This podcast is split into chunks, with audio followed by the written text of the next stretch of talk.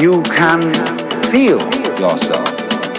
Not as a stranger in the world, not as something here on probation, not as something that has arrived here by fluke, but you can begin to feel your own existence as absolutely fundamental.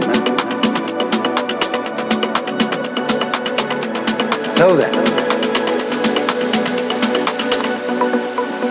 let's suppose that you were able every night to dream any dream you wanted to dream, and that you could, for example, have the power within one night to dream 75 years of time, or any length of time you wanted to have. And you would naturally, as you began on this adventure of dreams, you would fulfill all your wishes. You would have every kind of pleasure you could